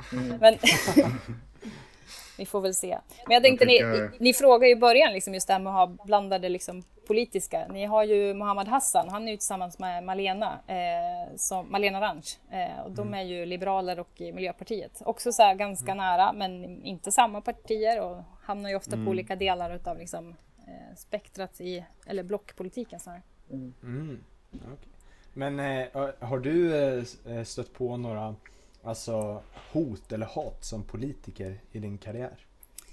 Nej, inte riktigt faktiskt. Men man får ganska ofta den här liksom enkäten om att man ska undersöka om man har upplevt hat och hot. Och jag vet, eh, jag vet andra människor som har fått hat och hot. Ehm, och jag, jag märker också att de som eh, berättar om det, eh, oavsett om de berättar om det liksom offentligt för alla eller bara för, liksom, för mig eller någon annan. Det är oftare så att de är kvinnor och oftare så att de har utländsk bakgrund. Okej. Eh, Så det tycker jag är ganska tråkigt när man ser det. Eh, Mm. Eh, Och jag vet inte riktigt om jag har liksom, jag är i och för sig kvinna men jag, ja, jag har i alla fall inte lyckats få någonting. Mm. Ja, skönt för din del i alla fall. Jo men det är väl det. Det, det, alltså, det är klart man är glad för det, det men jag, ja, det, det är man. Och vi kan ju säga till alla lyssnare att eh, vi hoppas ju att, eh, att ni, eh, alltså vi har, vi har möjlighet att prata med en del av eh, ja, makten i kommunen, eller vad man ska säga. Eh, och eh, det kanske, Ja men om, ni, om det skulle vara så att ni hade ett eh, eh politikerförakt från början, eller man ska säga, så kanske det, det lättas lite nu när vi får, får prata med Hanna Victoria Mörk här. Mm. Vi får väl se. Ja. ja, vi får se. Du Men, har ju eh, valt en låt som vi ska spela som outro. Kan Får du- jag bara ställa Ja, en sista okej, som okej. jag är väldigt intresserad av? För eh, vi snackade förut om gängkriminalitet eh, och kriminalitet och sånt. Och eh, jag tänkte att eh, det är många politiker som, alltså den frågan finns inte ens med, men jag tänker att eh, eh, ekonomisk eh, ojämlikhet, eh, det finns ju massa studier på att eh, ekonomisk ojämlikhet eh, leder till ja, men våld och eh, kriminalitet och sånt. Och eh, det känns som att det är inte så ofta man eh, pratar om för det är ju en väldigt stor fråga och det är jobbigt att svara på men eh, Och eh, vi, kan, vi behöver ju i så fall minska på den eh, eh, ekonomiska ojämlikheten och då undrar jag hur, hur gör man det? Gör man det? Ja, men dels är det ju alltså, sånt som inte jag styr över som är riksdagsfrågor. Liksom skattepolitiken är ju jätteviktig. Eh, och eh, Alliansen när de kom till makten så gjorde de ju ganska mycket. Man, man sänkte skatterna otroligt mycket och man gav ju eh, mer pengar till de som redan har pengar egentligen och tog från de som inte hade pengar. Eh, Man liksom sänkte ju liksom a-kassan och sjukförsäkringar och man gav till de som jobbade. Eh, så det är ju liksom en del, man skulle kunna ändra på det där. Eh, det vore väl kanske ganska vettigt. Och det är också många gånger vettigare, vi har ju kommunalskatt, vi kan ju höja den liksom. Eh, men kommunalskatten är ju lika för alla, det är liksom 30 procent ungefär för alla. Eh, medan statlig skatt kan du ha den här progressiva trappan och den typen så att man kan fördela om lite mer. Eh, man kan också lägga kanske andra skatter. Kommunalskatten är bara så på inkomst rakt av, ingenting annat. Eh, så det är väl en del, liksom, att fördela om skatter. Men vad kan man göra lokalt? Ja, men då är det väl snarare att jobba med kanske viktigt att folk går i skolan. Vi har ju eh, både Gottsunda och Gränby har ju eh, allaktivitetshus eh, för att liksom försöka skapa bra aktiviteter och sådana saker. Eh, och också i Gränby, jag är lite osäker på om Gottsunda, men jag tror i alla fall Gränby vet jag, där serverar de ju frukost. Och det kan ju också vara en viktig grej. Alltså får du frukost eh, på morgonen, du kanske inte brukar äta frukost av olika orsaker. Liksom. Eh, det kan ju vara ont om pengar men det kan också bara vara att man inte har den vanan. Liksom. Då kommer du antagligen ha lättare att lära dig i skolan, du blir liksom mer pigg och sådär. Eh, och eh, det kan ju också bidra i slutändan. Men det blir ju så här, det är väldigt mycket långsiktiga saker. Det var varför jag refererar till Alliansen med att liksom, under ganska lång tid så har vi ju ändå liksom tagit från de eh, fattiga och gett till de rika och vi har liksom ändrat våra system och skapat mer ojämlikhet. Det är klart att det kommer liksom hända någonting med det. Eh, och jag vet också när man har ändrat en del med liksom flyktingpolitik och eh, bidrag till de som har det liksom verkligen svårast, de som inte har så mycket pengar. Eh, om man liksom skruvar åt det och säger att ni inte får några pengar, jag menar, vad gör du då för någonting? Du kan ju leva kanske på din partner eller din släkt eller, eller liksom ha vänner som du kan, om du inte har en bostad, kanske kan bo på andras soffor och sådär. Men i slutändan, om du inte har någonting annat, om varken liksom det offentliga eller din släkt eller liksom dina vänner kan vara ett skyddsnät, då blir du ju uteliggare. Då får du liksom gå till Mikaelsgården och få mat en gång om dagen. Liksom. Eller knarklangare också. Eller någon sorts Ja. kriminalitet. Exakt, det blir alternativet. Ja. Och det är ju inte önskvärt. För vi kan ju se på Sydafrika som är alltså ett av de mest ekonomiskt ojämlika länder i världen. Där är det ju också extremt hög kriminalitet. Så att eh, man kan ju se ett sorts samband. Eh, men eh, däremot finns det studier på att eh, fattigdom och kriminalitet inte har något samband. Men det är just den här ekonomiska ojämlikheten Mm.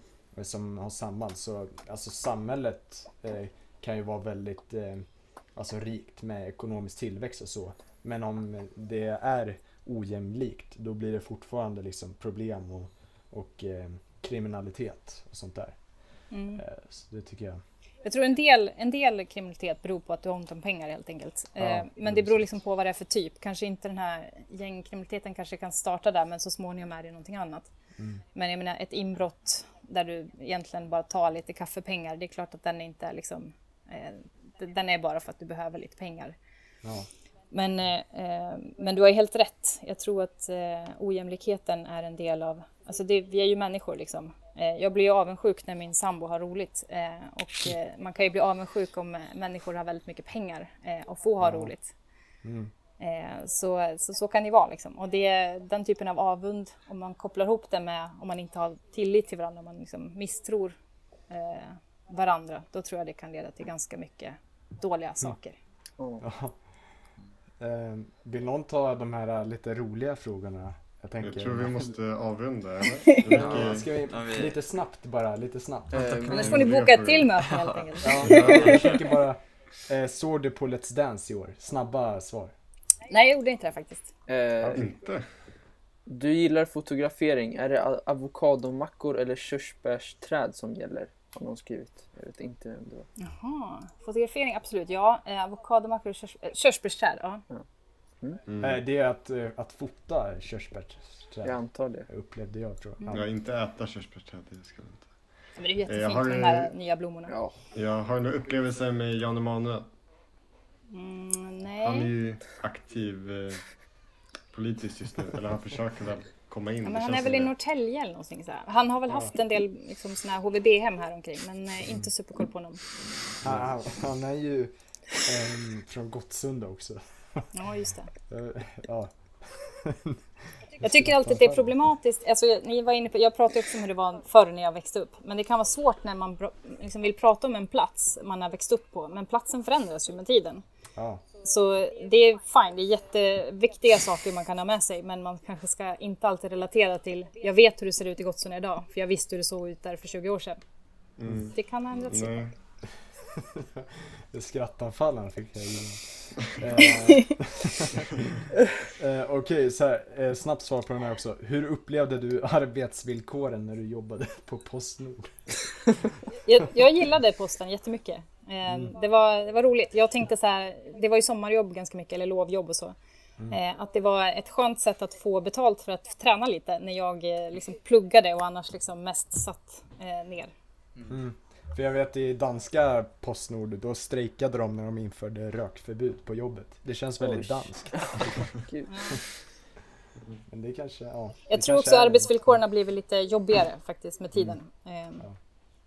Vi hade rätt trevligt. Jag hade goda Men det vänner. här med rökförbud, det kan du ändå hålla med om att eh, Det, låter kanske- kanske, lite tråkigt. Fast i och för sig, ingen på posten där skulle ju röka så mycket. De är ju träningsnarkomaner liksom. Ja, Eh, är sant. Sen var det trevligt att man kunde sluta lite tidigt, för man börjar ju tidigt. Eh, Mm. Så på en fredag så kan man ju liksom gå till systemet, köpa två öl, sätta sig i parken, Mm. dricka den, gå hem. Eh, och så har vi väl också en, eh, ja ett snabbt svar på den här, men det kanske är svårt att ha ett snabbt svar.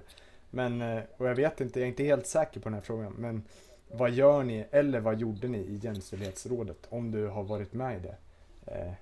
Jag har varit med i det. Ehm, Det är ju lite grann så här bevaka frågan och sätta fokus och man gör så här jämställdhetsbokslut. Finns på hemsidan om man vill kika på. Eh, Så det man gör, man, det är inte som att vi röstar inte eller sådär utan det är mer en, eh, liksom, vi får koll på hur det ser ut eh, och kan ju kanske ta med sig de frågorna till andra nämnder eller andra initiativ och sådana grejer. Eh, Man kan ju till exempel se att så för Det har ju varit mycket uppe på tapeten nu med liksom kvinnor som blir slagna och bor på särskilda boenden och den typen av frågor. Att de blir ofta kvar där. De kommer inte vidare till bostäder, för, eller till en egen bostad för att det finns inte så många att hitta. Det är en sån sak man kan ta med sig. Så vi behöver ju jobba för fler bostäder. Mm. och sen till sist, eh, har du någon du vill ge shoutout till, eller vill du, ja, be någon att, eh, att de ska göra det Vi är ganska många lyssnare så det är många Ja, vem ska man ge en shoutout till? Ni, ni, ni är ju så moderna höll jag på att säga. Det är härligt. Ehm, Claes Herman kanske? Ja, precis. Eller så ska jag ge det till, eh, till, eh, till... Vi kommer ju snart att ha kommungrupp och vi ska bestämma vad vi ska göra i kommunfullmäktigegruppen. Så jag tänker jag kan ju ge en, en shout-out till... till hela den kanske är trist. Jag kan ge den till min... Jag är ju faktiskt eh, ordförande i distriktet också. Jag kan ge det till min andra ordförande, för vi har två. Mm. Eh, per Marcus Risman. Eh, det kan jag ge en shout-out till. Han Per är Marcus. härlig och bra. Eh, och jag Det gillar är dubbelnamn här. Förstår du varför jag vill ha ett också? Ja just det, det är sant. Ja men Arvid, nu får du... Ja, du har ju valt en... eh, Du har ju valt en låt att... eh, Ja, vi bad dig i början att välja en låt som vi skulle göra outro med. Ja, och så är jag lite Eh, så här, Kan du beskriva den lite? Ja. Motivera lite.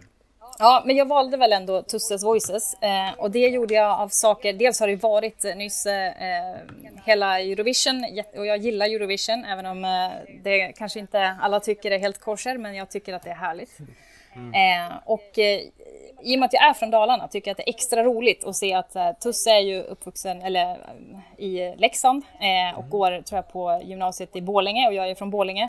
Och Borlänge har ju producerat enormt mycket artister trots att det är en pytteliten stad som man tycker inte borde ha så mycket att komma med. Men det har de ju. Vi har ju liksom Miss Li, vi har eh, Mando Diao eh, och eh, många fler som är längre tillbaka. Så det mm. tycker jag är rätt coolt. Så det är roligt att se att Tusse också lyckas mm. eh, här i världen. Jag visste inte att ni hade så många.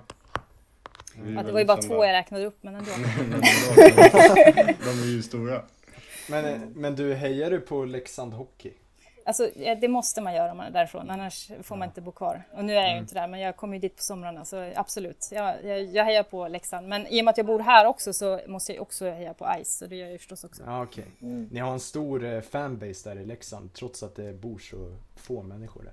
Så ja, det är häftigt tycker jag. Det, ja, men det är häftigt. Eh, mm. Jag kan också, eh, apropå shoutouts, Dalkurd är också en sån här mm. rolig grej. Den startade i Bålänge lite ihop med att det var mycket brottslighet. Eh, inte bara, men liksom, jag tror det kom lite mer underifrån gräsrötterna, men den stöddes som man tyckte att det är bra mm. som ett socialt projekt mm. från kommunen. Eh, nu har de ju flyttat hit. Jag tycker någonstans det är lite vackert.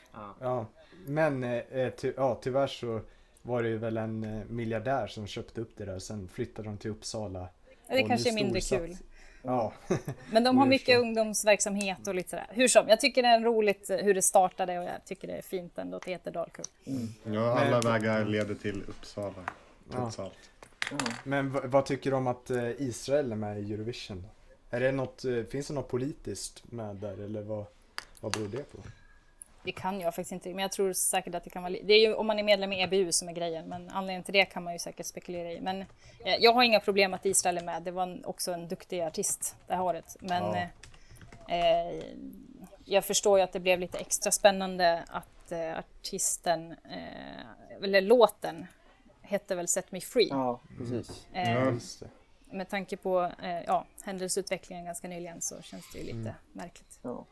Men hon var jätteduktig. Okej, måste, ja. måste vara sagt. Mm. Mm. Ja men verkligen. Men, mm. men eh, då tror jag vi ska börja avrunda och sen så eh, slutar vi med eh, Tusses eh, Voices. Då. Mm. Eh, och eh, tack för att du var här. Ja, tack så mycket. Ja, tack. tack för att jag fick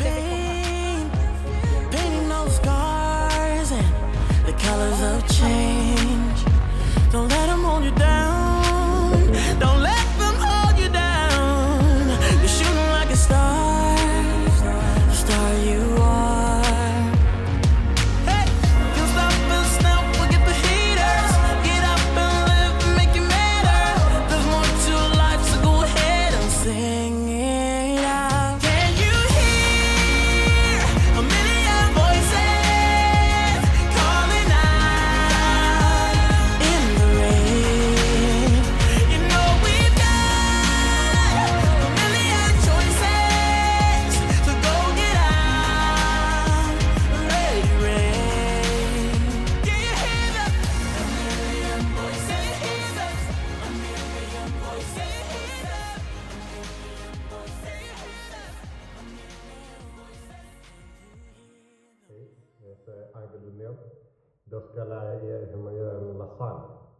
Eh, vi ska börja med en mise en place då man sätter ihop alla ingredienser och, eh, så att man har dem i ordning. Man skär upp allt i början och, eh, så att man har det och kan enkelt lägga i. Eh, jag har aldrig gjort det här förut, men det ska nog gå bra ändå. Eh, ja, nu kör vi! Vi ska börja med en mise en place till köttfärssåsen då det är den som tar längst tid. Eh, den kommer behöva koka i cirka två timmar, men man kan låta den puttra hur länge som helst, den blir bara godare ju längre puttrar. Så det vi kommer behöva till köttfärssåsen är selleri, gul lök, tre vitlökar och en morot. Just den här eh, fyra ingredienserna är grunden till nästan all fransk matlagning. Så de är väldigt viktiga. Det är även eh, blandfärs, tomatpuré, Eh, bacon, vitt vin och lite eh, krossade tomater. Så. Så då kommer jag att börja hacka upp gransökaren nu för att, se, för att få allt på sin plats. Nu skalar vi löken. Många brukar inte skala löken tillräckligt, men det är viktigt att man får bort de sega lagren också. Så, där.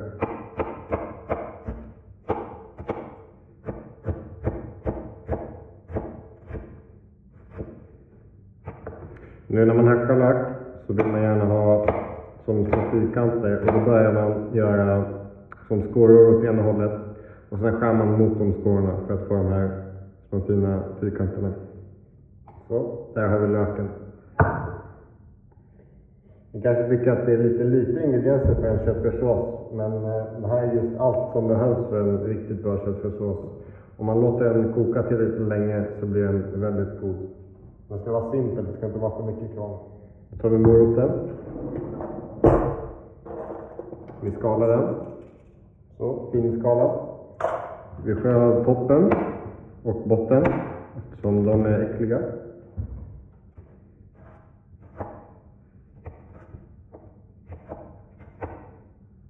Försöker ta lite kvar.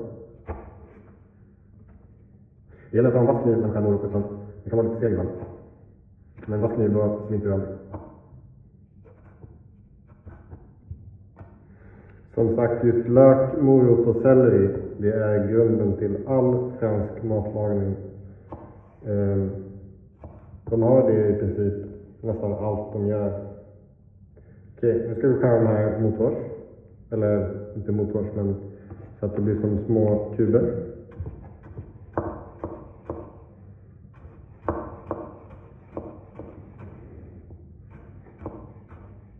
Här igen, böjda knogar så att man inte slinter.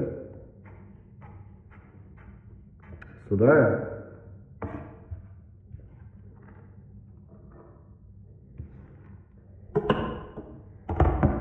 Så, nu har vi sellerin. Just den brukar oftast vara lite smutsig som man ser här, så den är viktig att vi tvättar. Så, den är fin. Toppbiten kan vi ta bort. Eh, samma med bottenbiten, den är lite seg. Den här är inte så komplicerad, man kan dela den i två. Jag gillar att ha ganska stora bitar selleri i min köttfärssås. Men sen är det bara att hacka på. Så här.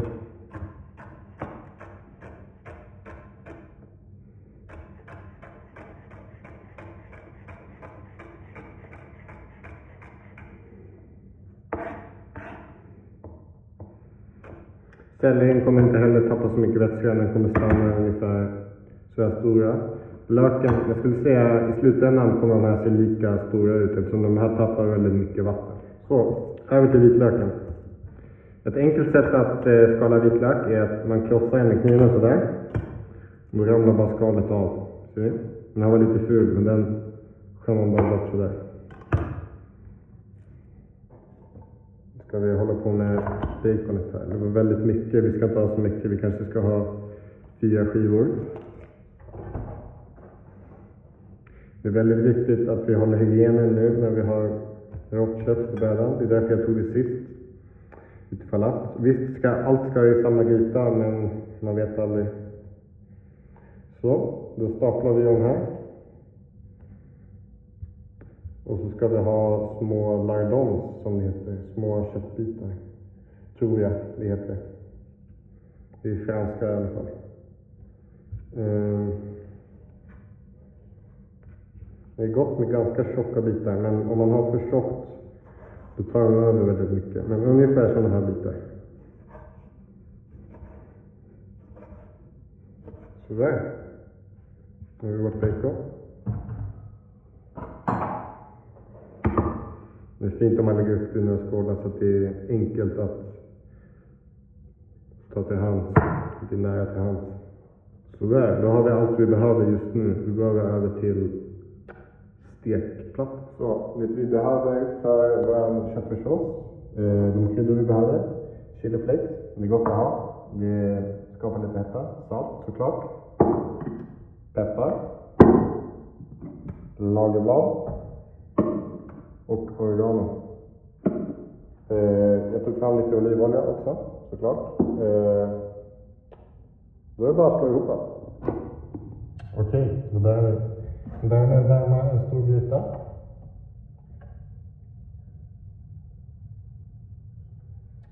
Eh, väntar vi med den? Det är viktigt att man förbereder sig så att man inte kommer på mitt i att man har glömt något. Man måste hacka upp en hela. Så, nu känner jag att plattan är varm. Då kan vi öppna vår olivolja. Jag häller väl ner det här. Så, lagom.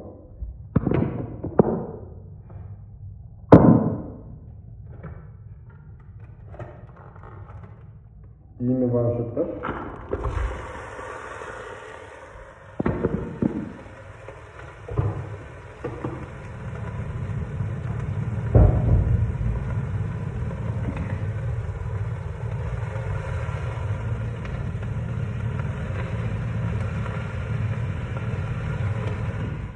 Väldigt viktigt nu att vi låter köttfärsen bryna. De flesta sätt brukar, eh, de brukar låta köttfärsen vara när den har blivit grå. Men det ska den inte vara. Eh, folk brukar även sila köttfärs från fett. Eh, det brukar jag också göra eftersom det blir väldigt kladdigt ibland. Men det mesta i början är vatten, så vänta med att sila, sila den till slutet.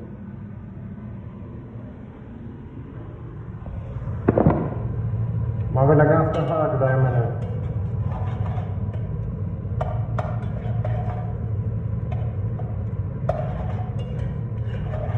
Det här kommer ta ett tag, men man vill att den ska bli brun.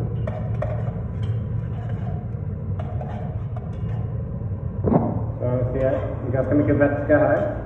Men det är bara vatten just nu. På slutet kommer fettet ut. Vi kan salta och peppra medan.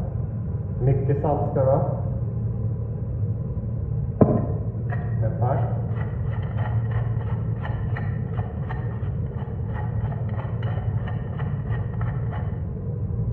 Man ska krydda mer än vad man tror. Köttfärs är väldigt svårt att få få krydda i. Ser ni här igen, allt vatten som kokar bort. Det är väldigt ovitt just nu. Men det är bara att vänta.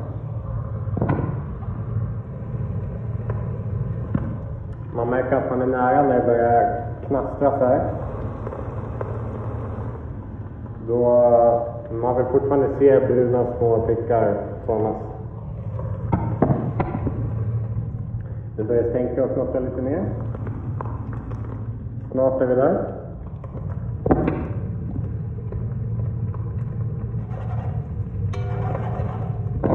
Det är viktigt att röra om så att det inte fastnar i toppen.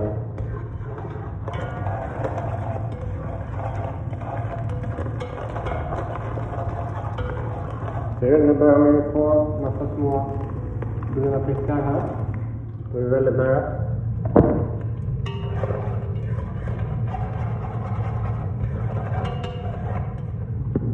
Nu verkar vi vara klara. Det är väldigt mycket bruna prickar. Då kan vi föra över det till en annan skål. Och vi fick bort det mesta. Men det spelar ingen roll om det ligger kvar lite. Det är lugnt. Här har vi den. För er som bryr sig om fett. Där, där ser vi fettet. Eh, det är inte jättegott med mycket fett i, i köttfärssås, så jag kommer hälla av det faktiskt. Då ska vi ha i grönsakerna. Börja med lite mer olivolja. Vitlöken. Gula löken. Morötterna och sellerin. Vi ska såklart salta och peppra här också. Inte lika mycket salt den här gången. Så här ser det ut. Det luktar väldigt gott. Så nu har de mjukats upp lite. Då ska vi gå in med baconet.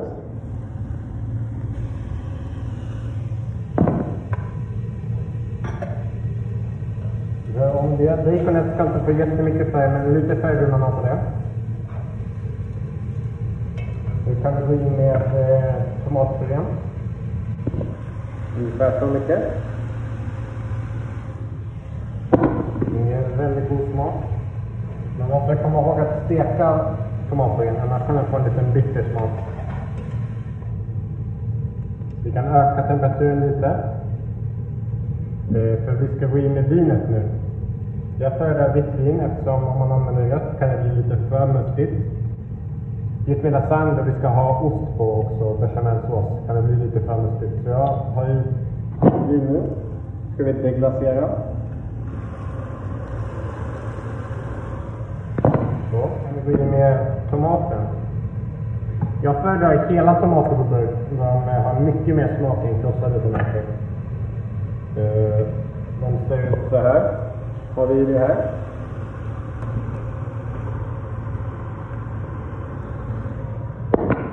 Nu sköljer jag ur burken så att jag får med all tomatsmak.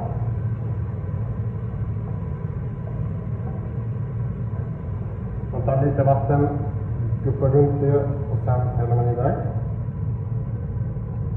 Eh, de här gröna tomaterna är ju såklart hela, så vi måste krossa dem lite. Men det gör vi enkelt. Nu behöver vi extra salt också eftersom tomaterna är helt neutrala. Vi kan gå in med lite oregano. Ungefär så här mycket. Man vill inte att det ska ta över. Så. Om det tar över kommer det bara smaka som pizza. Då kan vi ta eh, köttfärsen. Häller i den här. Fint.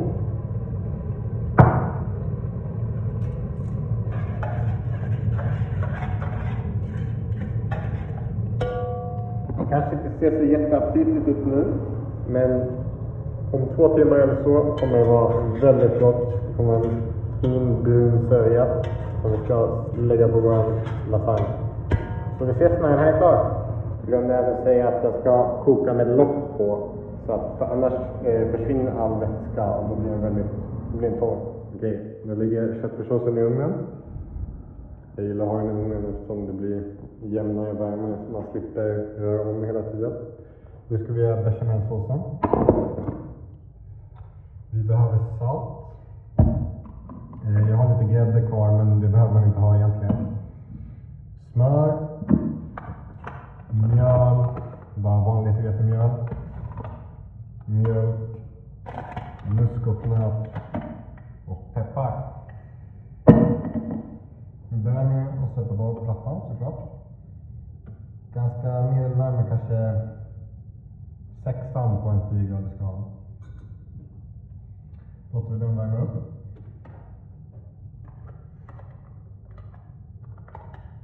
Vi vill ha ganska mycket smör, eh, ungefär så kanske. Eh, så om vi ska bina smöret och det försvinner ganska mycket då.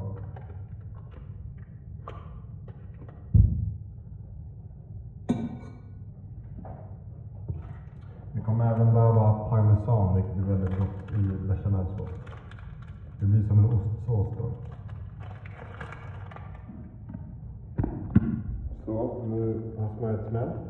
Nu ska vi bara låta det bryna så att det blir brunt fint och då, då kommer smaken fram.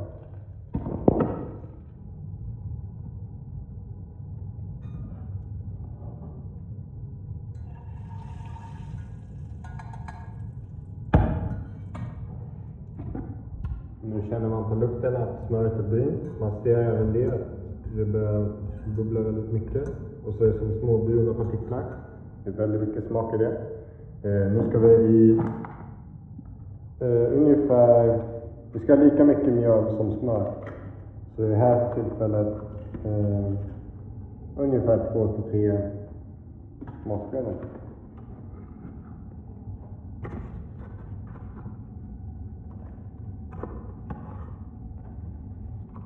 Vi ska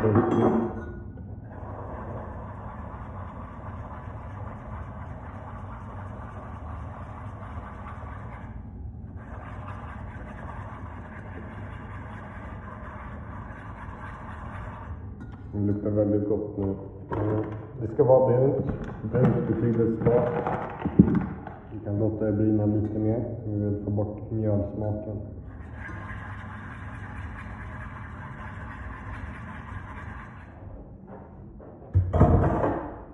Det luktar lite som pannkaka.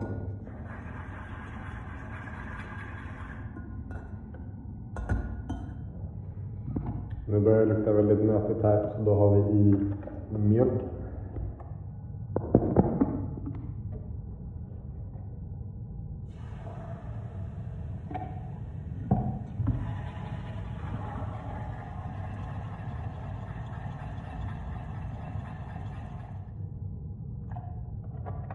Ganska mycket mjölk.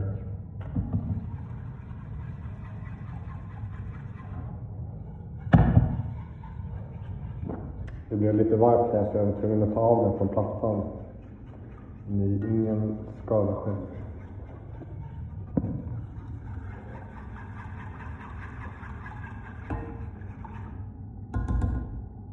Så ser den ut. Nu ska den koka ner så att den tjocknar. Sen ska vi i osten.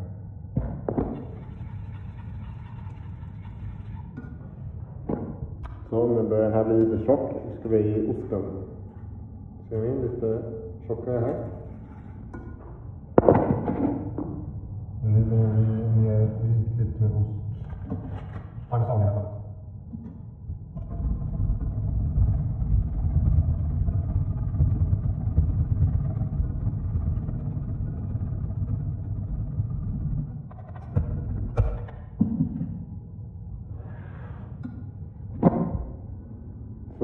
Så ungefär.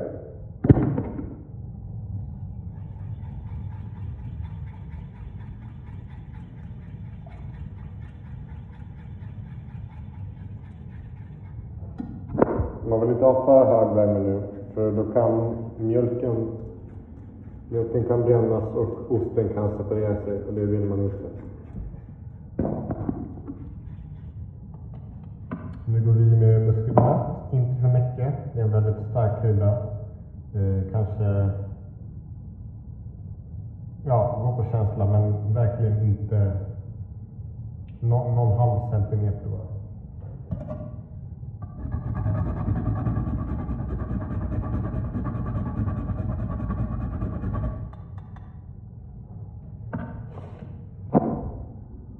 Så där mycket.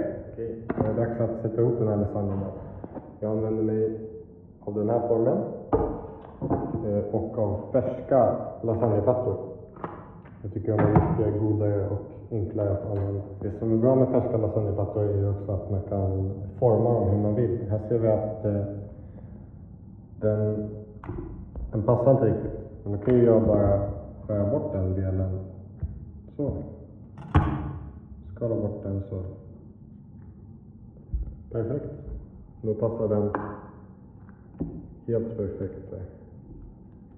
Och här är då vår fina köttfärssås. Fylld med smak. Okej. Vi börjar med ett lager köttfärssås. Vi börjar med ett lager köttfärssås.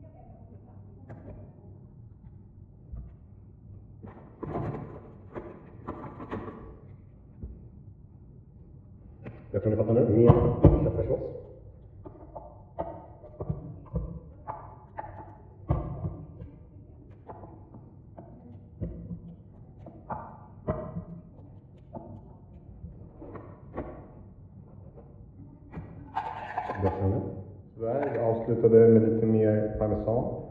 Nu ska den här in i ugnen i ungefär 20 minuter eller till, tills ytan är brun. Osten har smält.